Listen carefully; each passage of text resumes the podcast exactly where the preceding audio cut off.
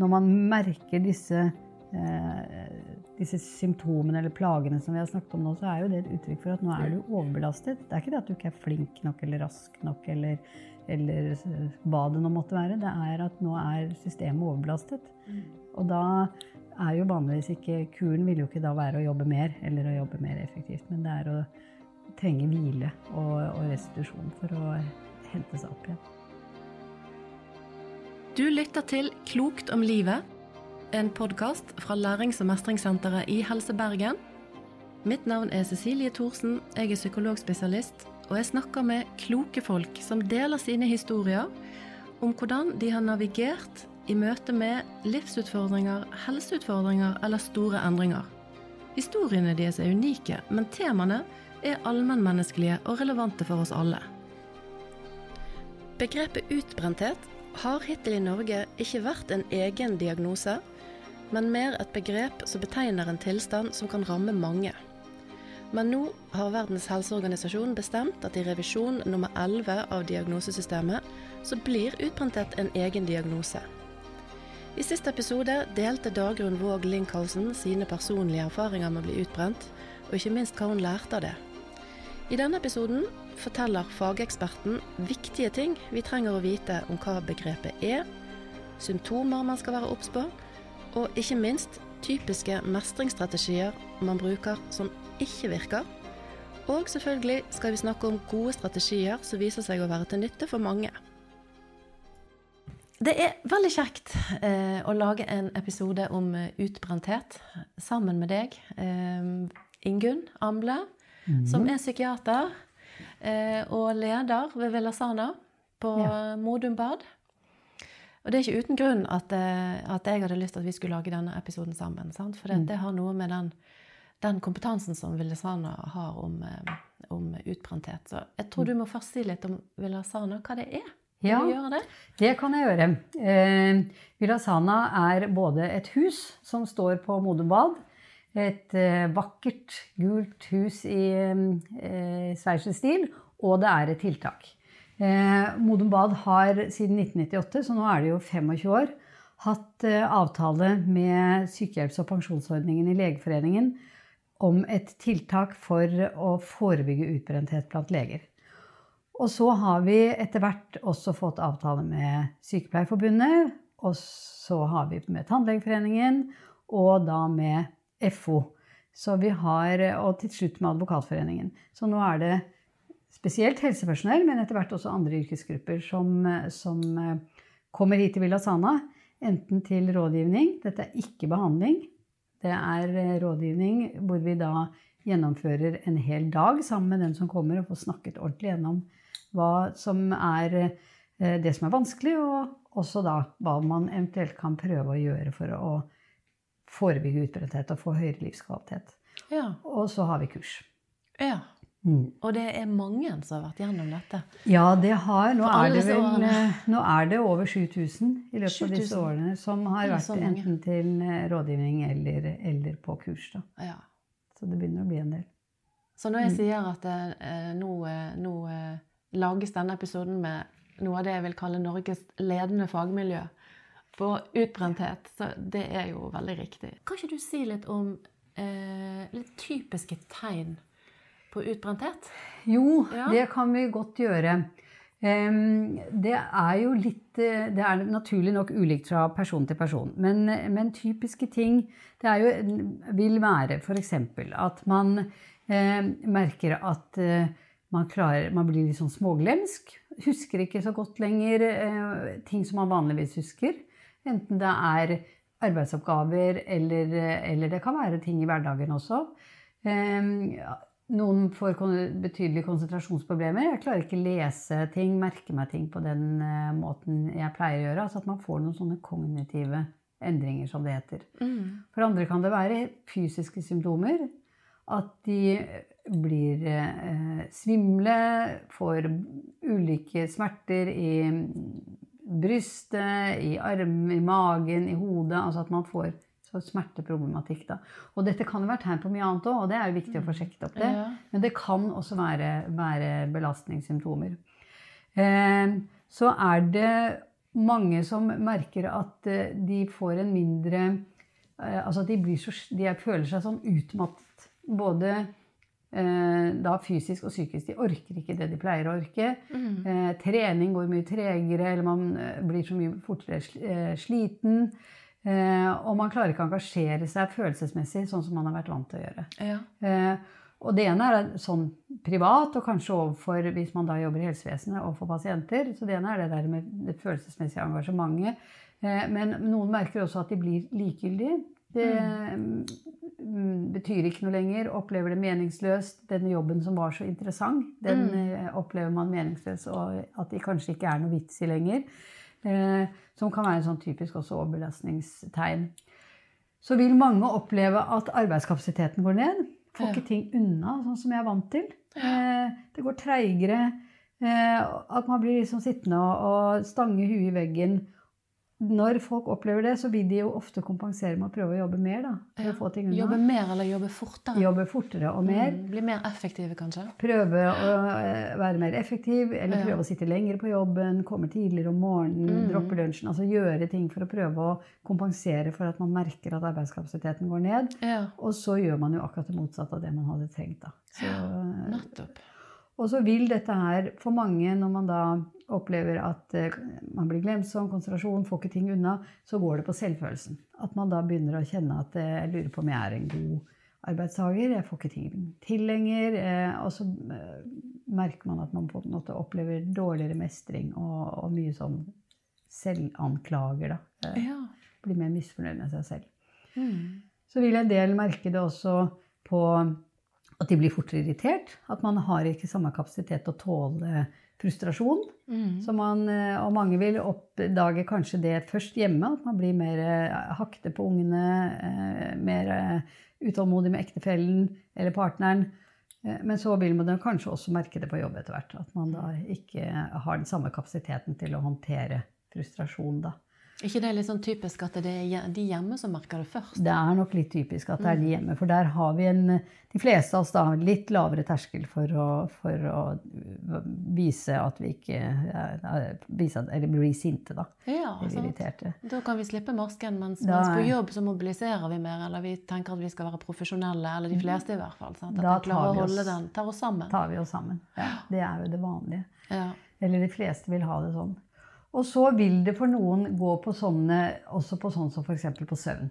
At jeg er vant til å sove rimelig bra, men nå strever jeg med å sovne.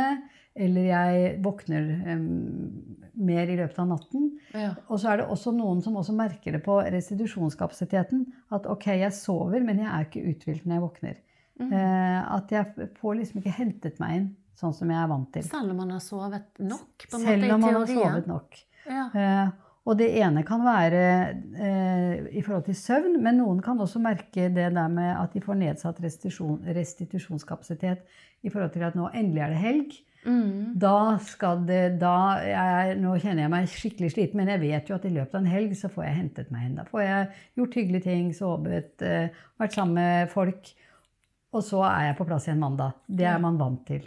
Men når man på en måte får en sånn slitasjeprosess, så, så er det ikke sånn lenger. Altså da, når jeg da våkner på mandag, så er jeg egentlig like kjørt som jeg var da jeg kom fra jobb på fredag. Jeg får ikke hentet meg inn sånn som jeg er vant til i løpet av en helg, og for noen også i løpet av en hel ferie. At, jeg, at det kan være litt sånn typisk tegn, da. Mm. Så, eh, og så er det jo noe, eh, noe av dette som kan ligne også litt, eller ligne mye på depresjonssyndromet. Ja, for det satt jeg og tenkte litt når du Ja. snakket nå. Eh, at mange kan jo føle seg nedstemt. Eller Ja. tenke at jeg begynner å bli deprimert. Sant? Ja. Eller noen kan begynne å få litt angstlignende symptomer. Eller symptomer på panikkangst. Absolutt, ja. For det syns jeg ofte jeg har merket når jeg snakker med folk som er utbrent. Mm. At de kan komme med, med en sånn tanke om at jeg, jeg tror jeg er i ferd med å bli deprimert, eller jeg tror Ja. jeg har fått angst. ja. Så kan du si litt om, om forskjell, eller hvordan Ja. Ja, det er vanskelig. Ja. Jeg syns ofte det kan være Ja, vanskelig å det skille det, det. Mm. fra hverandre. Eh, når man da kaller det for dette ordet utbrenthet, så er et av kriteriene er at man skal på en måte se at det har en sammenheng med arbeidssituasjonen. Ja. Så at, det er en, at man kan identifisere at her har det vært en opplevd stor belastning på jobb. Mm. Eh, og at man har en opplevelse av at eh, det er det som på en måte har, har som trigger dette her. Da. Ja.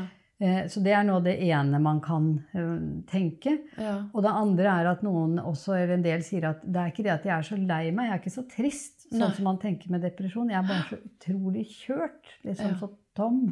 Mm. Men dette er ikke lett, fordi det der å skulle eh, For vi er jo hele mennesker. Mm. Sånn at for de fleste av oss vil det være at ja, så har jeg belastning på jobb, men den har jeg tålt over tid. Mm. Men når da et av barna blir alvorlig syk i tillegg, Mm. da holder det ikke lenger.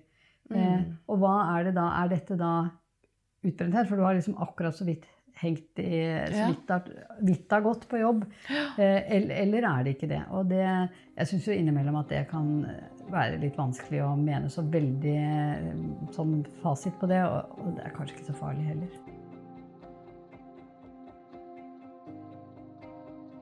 Jeg syns ofte vi snakker om et sånn kunstig skille mellom den private og den profesjonelle, men vi er jo faktisk samme menneske. Det er det vi er, og vi Og bruker, sammen. Vi bruker de Mm. samme ressursene til å håndtere på jobb som vi gjør i det private. Ja, det syns jeg var godt sagt. Det gjør vi. Ja, Mm.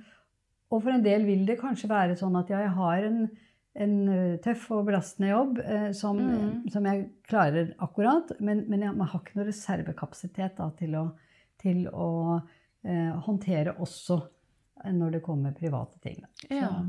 så, Eller en sliter med egen helse, eller noen rundt Ja. en gjør det. Eller en, en opplever sånne ting som en kan gjøre i livet med de rundt seg, eller ja, at det blir et samlivsbrudd, eller, eller- ja, eller, eller en sykdom, død. Ja. Eller for noen at ja, denne jobben har vært eh, Her har det fungert bra, men så blir det en stor konflikt på jobb, f.eks. Og da blir Mhm. belastningen en- eh, helt annerledes, selv om arbeidsoppgavene kanskje er de samme. Ja. Så det er jo mange Dette er, et, dette er sammensatt. Dette er sammensatt. Ja. ja. Så det at en skal si at de har utbrenthetsdiagnosen da, som er på vei inn, Mm. den er knyttet til at det er arbeidsrelaterte ting, men det, det er jo mer sammensatt enn det. ja, Ja. det vil for veldig mange være det. Mm. Mm. Men tilbake til det med jobb. Jeg syns jo ofte jeg hører at folk blir veldig opptatt av alt det de ikke klarer på jobb. Mm. Eh, at jeg klarer ikke å jobbe så effektivt som jeg pleier. Noen ganger så jeg, får jeg til og med en sånn bestilling der noen kan si kan, eh, jeg er så grådig sliten, men kan du hjelpe meg å jobbe fortere? Ja. Og det er jo en slags mestringsstrategi, det kan vi komme Mm. litt tilbake til. Men jeg syns ofte at folk blir veldig opptatt av det, at de føler de klarer ikke å gjøre jobben sånn som de pleide. Mm. Eller at de er veldig glad i jobben. eh, Eller engasjert i jobben sin. Eller, men har ikke det samme engasjementet og, og har ikke den samme arbeidsgleden. Eller føler at ikke de klarer å levere. på en måte, sant? At en, Mm. en, en kan se det litt godt. ja. Eh, Av alt det der vi skal få til når vi er på jobb. Sant? Så Mm. får ikke vi det til på samme måte plutselig. Nei, og så er det jo noen da som, som tenker at nei, da må jeg, som du sier, nå må jeg jobbe, nå må jeg bli mer effektiv. Mm. Jeg må lære meg noen triks, så jeg kan jobbe Ja. fortere Ja. eller, eller eh, mer intenst. Eller altså et, sånn så jeg får gjort unna mer. Men så er jo det akkurat det motsatte av det en trenger. da. For det, Det det. når det da Når man merker disse eh, disse symptomene eller plagene som vi har snakket om nå, så er jo det et uttrykk for at nå er du overbelastet. Det er ikke det at du ikke er flink nok eller rask nok eller, eller hva det nå måtte være. Det er at nå er systemet overbelastet. Mm. Og da er jo vanligvis ikke Kuren vil jo ikke da være å jobbe mer eller å Nei. jobbe mer effektivt, men det er å trenge hvile og, og restitusjon for å hente seg opp igjen. Ja.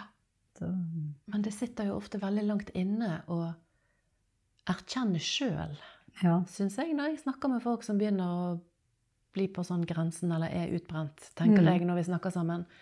Det sitter ofte langt inne å erkjenne at nå er jeg der. Det kan være lettere å se det hos andre enn enn, eh, seg sjøl. Og så er det jo noe med at en begynner å bli Alle disse andre mekanismene som skjer med hvordan vi begynner å se på oss sjøl, Mm. og hvem vi er, og hvor flinke vi er, eller hvor ja. effektive vi er, eller um, Altså, vi begynner å, å Vi klarer ikke ting på samme måte, sant? så vi begynner å få veldig negative tanker om, om vår egenverdi, om vi er gode nok, eller eh, Ja. Har du. Ja. noen tanker om det? Altså Mange av dem vi, vi snakker med, eh, de er jo, de er jo flinke. eh, Ja. Og har, har vært eh, Har prestert godt. Ja.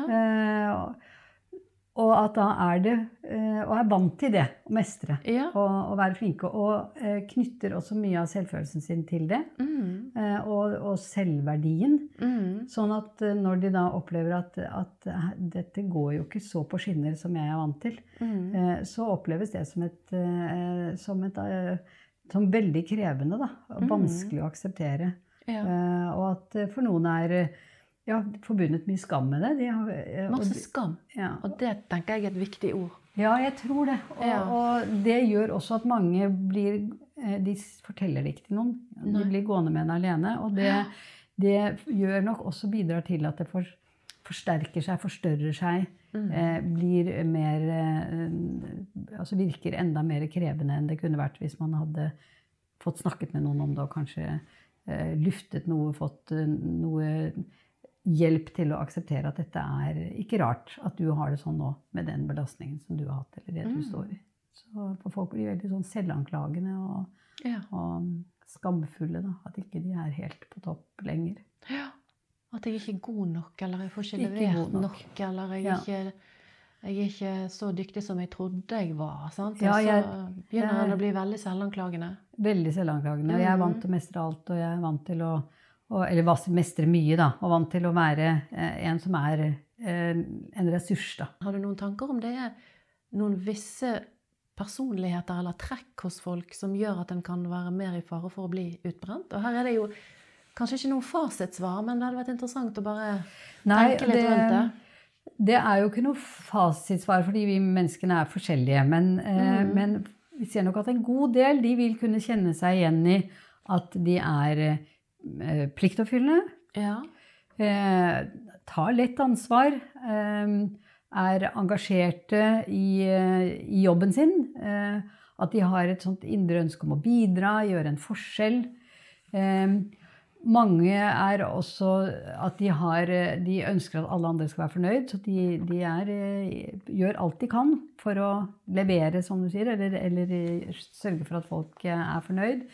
Eh, mange har en høy arbeidskapasitet, jobber mye. Du drømmer arbeidstakeren. Og er drømmearbeidstakeren. ikke sant? Drømmekollegaen og, Ja. og drømme, drømmearbeidstakeren. Flinke. Eh, men så er det jo den andre siden av disse personlighetstrekkene. det er jo, altså sånn Når du er pliktoppfyllende, så når, når har du gjort plikten din? Når er det bra nok? Mm. Eh, når du er ansvarlig Mange har lett for å ta ansvar også for ting som de egentlig ikke trenger å ta ansvar for. Eller som er, er, ja, som er for, for, å ta for mye ansvar. Mm. Eh, disse som syns det er ønsker at alle skal være fornøyd, der er det vanskelig å si nei.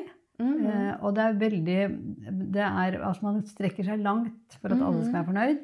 Og eh, veldig sårbar for kritikk. Altså Hvis noen da sier at eh, mm, var dette helt bra, så er man veldig sårbar, for man vil så gjerne hele tiden være få bekreftelse. da, altså Ja. at, at, folk skal være fornøyd.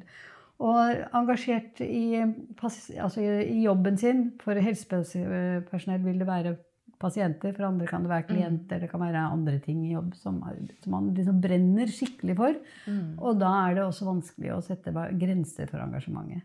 Ja. Og dette med å ha høy arbeidskapasitet, jobbe mye Den andre siden av det er at det gjerne kan gå utover familien, fritidsaktiviteter, det som man trenger for å, for å også ha et liv ved siden av. da. ja. Um, Så det er det der at det er de samme, det er de samme flotte personlighetstrekkene som også er risiko uh, som, er, som gir risiko for, for eh, slitasje og overbelastning. ja, og det er en veldig fin måte å si det på. At dette er jo gode kvaliteter. på en Ja, måte. ja. Veldig fine kvaliteter å ha, men så er det noen fallgruver, eller det er en liten bakside av medaljen. Det betyr ikke at ikke man skal ha de kvalitetene, men at Mm. kanskje med de egenskapene så er det viktig å være obs på hva kan være fallgruvene når du har de gode egenskapene du Ja. har, da. Det og litt sånn tiden vi lever i, sant? Mm. Eh, og hvor mye vi sammenligner oss med andre. Og vi har jo aldri vært så eksponert for andre og hva andre gjør, og hva andre holder på med, og hvordan andre sine mer eller mindre vellykkede liv ser ut der ute på sosiale medier. Sant? Mm. Vi bruker så mye tid på det som vi kaller eh, self-impression management. Mm. Altså lage bilder av oss sjøl som vi vil at andre skal se. På Instagram og på Mm. Facebook og på LinkedIn gjør man det profesjonelt. Og, Mm. Og jeg gjør det sjøl, og vi gjør det alle Mm. sjøl, sant? Og hva er det vi viser? Vi viser jo ikke når vi begynner å streve, eller når vi Mm. begynner å bli slitne. Sant? Vi viser vi Vi viser det vi vil at andre skal oppfatte av oss, selvfølgelig, som er de der gode sidene. Mm. Så før så sammenlignet vi oss med de som er i gaten. Ja. Eller ja. de vi gikk på skolen med, eller i klassen med. Sant? Mm. Mens nå sammenligner vi oss egentlig med hele verden. Ja, og som, eh, som det jo skrives mye om, at vi sammenligner, sammenligner oss da ikke lenger med reelle personer, men vi sammenligner oss jo med denne redigerte utgaven Ja. av eh, Merkevaren vi har bygget opp Ja, om oss sjøl. som jo Mm. blir egentlig uoppnåelig å skulle leve opp til for vanlige folk, da. Ja. Eh, nei, og det kan jo hende at det er noe med dette som gjør at man når det gjelder sånn slitasjeproblematikk eller overbelastningsproblematikk, at det nå er så mange flere unge.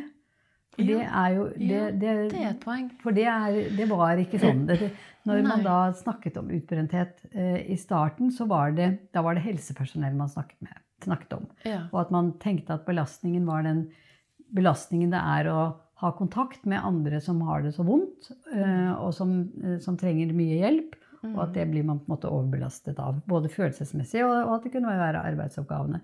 Og så ble det heller å snakke om at det var folk som var i relasjonelle yrker. altså Det ene er helsevesenet, men eh, lærere, advokater, altså andre som har, har eh, med folk å gjøre. Mens nå snakker man jo om at alle Ja. Uansett hva man, hva man har av, eh, av arbeid, så kan man bli utbrent. Eller om man er student, eller, Eller om går på videregående. student. Og det er mange Absolutt. unge som snakker om det begrepet òg. Ja. Sånn at, at og, og, og om det da kan ha med å gjøre at det er Én ting er de kravene som er på skolen for skoleelever, Ja. eller på arbeid for, for de som er i jobb. Men det er jo alle de andre kravene òg som er det du snakker om. altså Alt det andre vi skal leve opp til. Om det er dette som samlet sett gjør at man da eh, blir overbelastet eh, eh, også som veldig ung, da.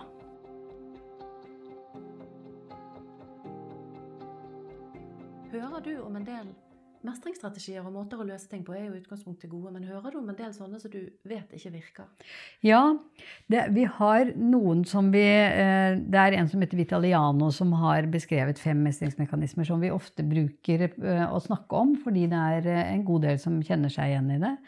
Em, det er to mekanismer som vi tenker at ofte fører til at man man, altså Som er bra, og som vanligvis fører til mestring og, og håndtering av, eh, av, pla, av eh, belastning. Eh, og det ene er det at man søker støtte. Altså at man snakker med noen. At man har eh, noen rundt seg som bryr seg om deg og vil deg vel, og som du kan snakke med, og som kan eh, både forstå deg, men, men eh, dele det, og kanskje også gi noen gode råd. Altså, sånn at du ikke er alene eh, om det. At det ikke bygger seg opp inni en alene. Så det å søke støtte, det er vanligvis noe som for mange fungerer som en, eh, som, som en positiv mestring. Um, den andre positive mestringsmekanismen kan være at man har den evne til problemfokusert mestring. At jeg har evne til å si at det her er problemet, det må jeg gjøre noe med, og så gjør jeg noe med det, og så ser jeg om det hjelper. Ja. Istedenfor å liksom bare bli helt sånn overveldet at dette er bare helt umulig alt sammen, jeg aner ikke hva jeg skal gjøre, men at man, at man prøver å ta én ting av gangen, og så prøve å gjøre noe med det. Mm. Så, Dette er råd som dere kan gi på Villa gi, f.eks. ja. Søke støtte, og prøve Og å liksom kapsle inn problemet. problemet. Ja. Og, og ta én ting av gangen, og så prøve å gjøre noe med det, og så eh, evaluere hjalp dette. ja. Eh, Mm. Og ikke gjøre alt mulig på en gang, f.eks. Ja. Men å, å konsentrere seg om én ting og teste ut. Kan jeg prøve et lite tiltak her for å se Ja. om, det, om det kan gjøre noe forskjell. Men så hører vi også mye om eh, det som ikke fungerer, da. Ja. Og en av de tingene som er veldig utbredt, det er ønsketenkning. ja. Og det er at jeg tenker at nei, akkurat nå er det en spesielt krevende situasjon. Nå er det, eh, nå er det eh, høye krav her, et nytt datasystem som skal innføres, en for få eh, på jobb.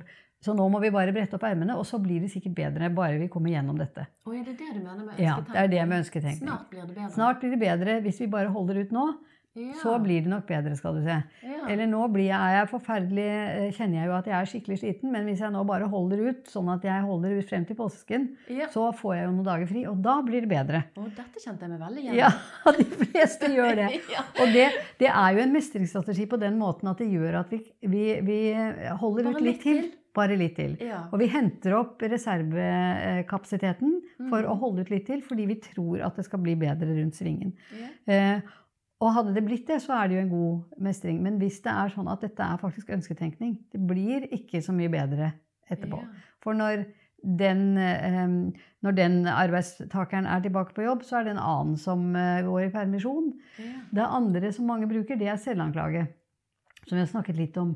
Eh, Det er at jeg tenker at det, eh, det er jo meg det er noe gærent med. Så hvis jeg nå bare lærer meg noen, å bli flinkere, eller jeg leser meg opp litt, Ja. eller jeg, som du sa, jobber fortere Jeg må bare gjøre noe. Jeg må skjerpe meg. Så Mm. går dette Da blir det bra.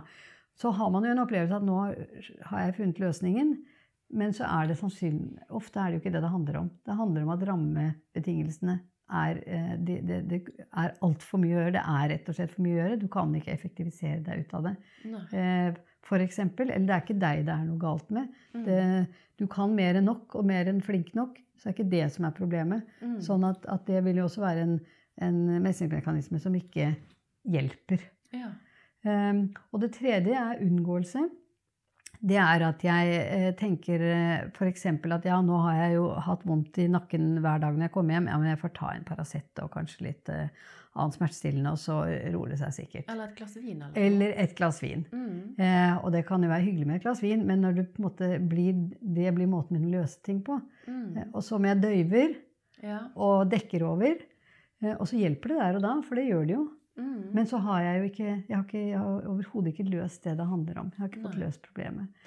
Så jeg, jeg døyver og dekker over, skyver under teppet, later som det ikke er der. ja. Eh, som igjen kjennes litt ålreit ut der, akkurat der og da, men så blir det bare verre. Så, så rådene Dette er jo da noen av de tingene som vi typisk gjør, men som ikke virker. sant? Mens Ja. noen av rådene, sånn som du ser det, vil være å prøve å overkomme skammen og tabuet, da. Ja. Sant? Med å faktisk prøve å ta det opp med noen, eller prøve å søke hjelp. Og det sitter jo ofte så langt inne å erkjenne at nå, nå er jeg veldig sliten, eller nå trenger jeg noe.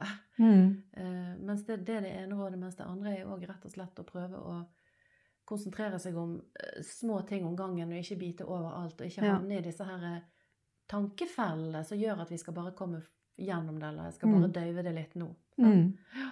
Ja, nettopp. Mm. Eh, Og for mange så er jo det der å erkjenne at vet du, nå er det nå må jeg gjøre noe med dette. Dette kommer ikke til å gå over av seg selv. Ja. Eh, og for mange kanskje å erkjenne at det kommer kanskje til å ta litt tid før jeg eh, er eh, liksom har fått hentet kreftene opp igjen og er litt mer robust og kan, kan ha den vanlige kapasiteten min, da. Og da er du inne på noe. Ja. Dette med at det kan ta tid. Ja. Hva tenker du om det? Altså, hvor lang, hvor lang tid kan det ta ja. å være utbrent, holdt jeg på å si? Ja, kommer, og- og det er jo selvfølgelig ikke sikkert helt noen eh, fasitsvar på det heller. Men, men jeg hører jo ofte mange sier at jeg blir så utålmodig. Nå har jeg vært sykemeldt i én måned. Mm. Og da tenker jeg at det kan være du er sykemeldt i et halvt år, tenker Mm. jeg av og til. Sånn i en innledende samtale. ja. Det Nei, det, det, er, det er jo veldig mange ulike altså, forløp, da. For å, Ja. eh, og det har, det har nok noe med å gjøre. Hvor lang tid har du tatt eh, å havne i dette? Eh, hvor lang tid har det vært med overbelastning? Eh, og hvor, hvor det kanskje har vært eh, signaler som du eh, ikke har tatt på alvor, da. Mm. Eh, eh, sånn at hvor lenge det har vart, vil jo gjerne kunne si noe om at det, hvor lang tid det vil ta å hente seg inn også. Mm. Og så er det jo eh, alvorlighetsgraden også, altså Ja. hvor, hvor eh, noen er jo De virkelig møter veggen, som det heter, altså at de blir sengeliggende. Eh, og da vil det jo vanligvis ta tid å restituere seg igjen og få hentet opp kreftene. Men det er liksom Det er fra tre uker til halvannet år, altså, som jeg har vært borte iallfall. Så det er ikke noen fasit på Stort dette. spenn, faktisk. Det er stort spenn. Men jeg tror det er gjennomgående at det tar lengre tid enn man tror. Det tror nemlig jeg. Ja. Ja. At man blir utålmodig og tenker det må bare gå over, jeg må bare Ja. hvile meg litt, og så er jeg straks på beina igjen.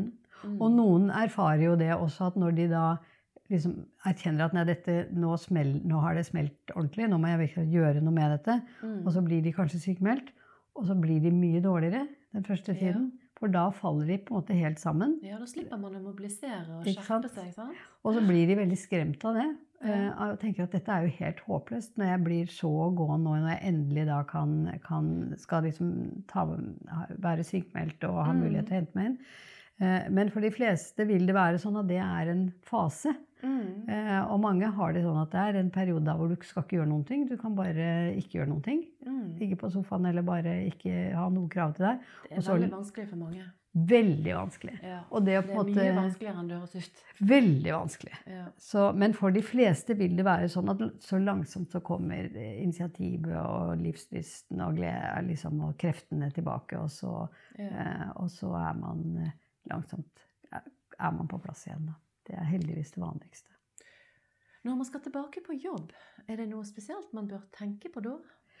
Ja, der vil det også være individuelle forskjeller. Men for Mm. mange vil det være sånn at eh, det er viktig med en gradvis tilbakeføring. Mm. Man, eh, og og selvfølgelig veldig viktig med en samtale med arbeidsgiver Mm. eller leder på forhånd med en planlagt tilbakeføring. Mm. For noen vil det være at man vet noe om at det er visse arbeidsoppgaver som er, vil være helt greit, og så er det andre arbeidsoppgaver som jeg vet at det vil jeg trenge litt mer tid før jeg er klar for det. Ja. Sånn at man da kan planlegge både på arbeidsoppgaver og på eh, hvor, hvilke prosent man da starter opp med på ja, kanskje ikke man skal begynne på jobb i 100 igjen. Det synes jeg jo Ja, for mange vil det være veldig lurt å starte med en, en eller annen prosent, da 40-50 ja. Og så eh, på en måte eh, gi seg litt tid til å kjenne etter at ja, nå er jeg på plass igjen, nå er det ok, nå ruller og går det mer som vanlig. Eh, jeg blir Mm. ikke eh, kjempesliten, eller eller det får ikke sånn skikkelig tilbakefall av dette her. Mm. Og så,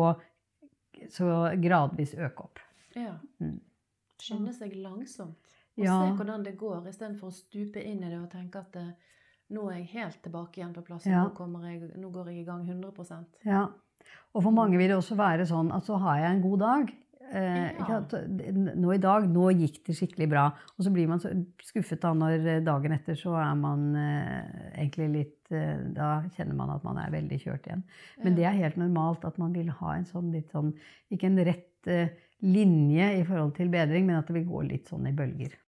Jeg er jo litt opptatt av Denne podkasten handler jo òg om at dette med å At ikke livet alltid går på skinner. Sant? At man kan bli syk, eller man, man går på en smell, for å si det veldig folkelig, Mm. eller møter Mm. veggen, som mange kaller det. Eh, Det, det å takle motgang, og at Mm. livet blir faktisk ikke for de aller fleste akkurat sånn som man har tenkt. Mm. Og det er faktisk en del av livet. Mm. Eh, og dette er en del av de tingene vi har med oss i bagasjen på den veien vi går for å bli oss sjøl, da. Mm. Sant? Det er jo en vei. Vi formes gjennom hele livet, og vi formes av erfaringene våre.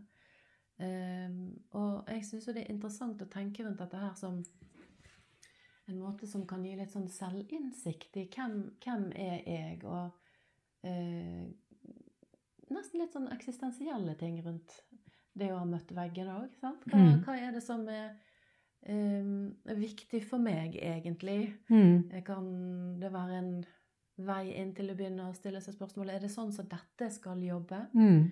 Ehm, skal jeg jobbe på andre måter? Jeg skal begynne å se litt på meg sjøl i forhold til hvordan jeg, hva jeg baserer min egen verdi på, Mm. eksempel. Mm. Eh, skal jeg velge å gjøre noe på en annen måte i livet? Det kan jo være kan også være en inngang til å begynne å gjøre noen valg i forhold til hvordan vil jeg leve livet mitt. Mm. Eh, litt sånn litt det store spørsmålet. Ja, det, det eh, Vi ser av det siste forskningsprosjektet vårt, hvor vi da har spurt en del folk, eh, eller leger er dette, da, som kom til Villasana for Ja. eh, tre år siden, og så har man spurt dem etter ett år. Eh, Ja. hva, var det noe som ble annerledes? Eh, og en av de tingene som ser ut som har blitt annerledes, det er måten å se på seg selv på. Eh? Nei, det, det ene er altså sånn Noen har jo vært her på kurs sammen med åtte kollegaer. Og, så, og hvor de da på en måte sier at ja, man trenger jo ikke være helt på topp hele tiden. Mm. og allikevel være helt ålreit og en kjempeålreit lege og en flott person. Altså at man liksom erkjenner at, at det er ikke nødvendig å prestere på topp hele tiden. Eh, og allikevel kan man være bra nok, da. Mm. Eh, og, en, en, eh, og at verdien min ligger ikke i det at jeg da jobber 80 timer i uka og hva det nå måtte være. Men, men at, at jeg kan, eh, det kan til og med være sykmeldt en periode og komme tilbake igjen. Jeg kan finne eh, jeg kan ta litt mer tid til familien min, hva det nå er for noe. Og allikevel eh, være si, stolt av meg selv og, og, og vite at jeg er en ok person. Da. Ja, Så- Og at, eh, så det er vel noe av det som kanskje er eh, kan være, kan være viktig. Altså det med, med hva, er det jeg, hva er det jeg baserer verdiopplevelsen min av meg, av meg, av meg selv på. Så, Mm. og at det kan være for noen å, å, justere litt i forhold til at man har vært vant til å basere det på alt jeg presterer. Eh, men at kanskje at det er andre ting som er veldig så viktige, og det er den jeg Hvem er. jeg Og, er. ja. Ikke nødvendigvis hva jeg gjør, men den Mm. jeg er. Ja. Ja. Jeg syns jo ofte av og til at jeg har sånne interessante samtaler med folk som har gjort seg noen sånne erfaringer. Da, der, man, der man har møtt veggen, og så har man fått kastet opp kortene litt og fått tenkt gjennom hvordan er det egentlig nesten jeg vil leve livet mitt, og hva er det som Mm. betyr noe for meg, og skal, hvor mye skal jeg jobbe? Mm. Noen tenker at jeg skal ikke jobbe akkurat i denne jobben, eller på denne måten, eller 100 for den Mm. del. Eller, altså det, det kan være en, um, en måte å stoppe opp og få reflektert litt rundt Mm. den videre veien. Da. At det kan være en veldig eh, viktig reise, egentlig, Mm. akkurat det der. Ja. Mm. Og en del, eh, noen av dem som kommer eh, som en sykepleier som sa at, altså, eh, at det var godt jeg opplevde det nå, for da får jeg gjort disse justeringene så tidlig i livet mitt. Ja. Eh, det var fint. Så, ja. så, jo før, jo heller. jo før, jo heller. Så Akkurat. Får liksom gjort noen viktige erkjennelser eh, nå. Da jeg har jo ennå eh, 50 år igjen i arbeidslivet, eller 40, da 30, hva det, hva det nå måtte være. Og da kan jeg nå ta med meg denne eh, erkjennelsen, sånn at jeg da kan få et bra arbeidsliv. Ja.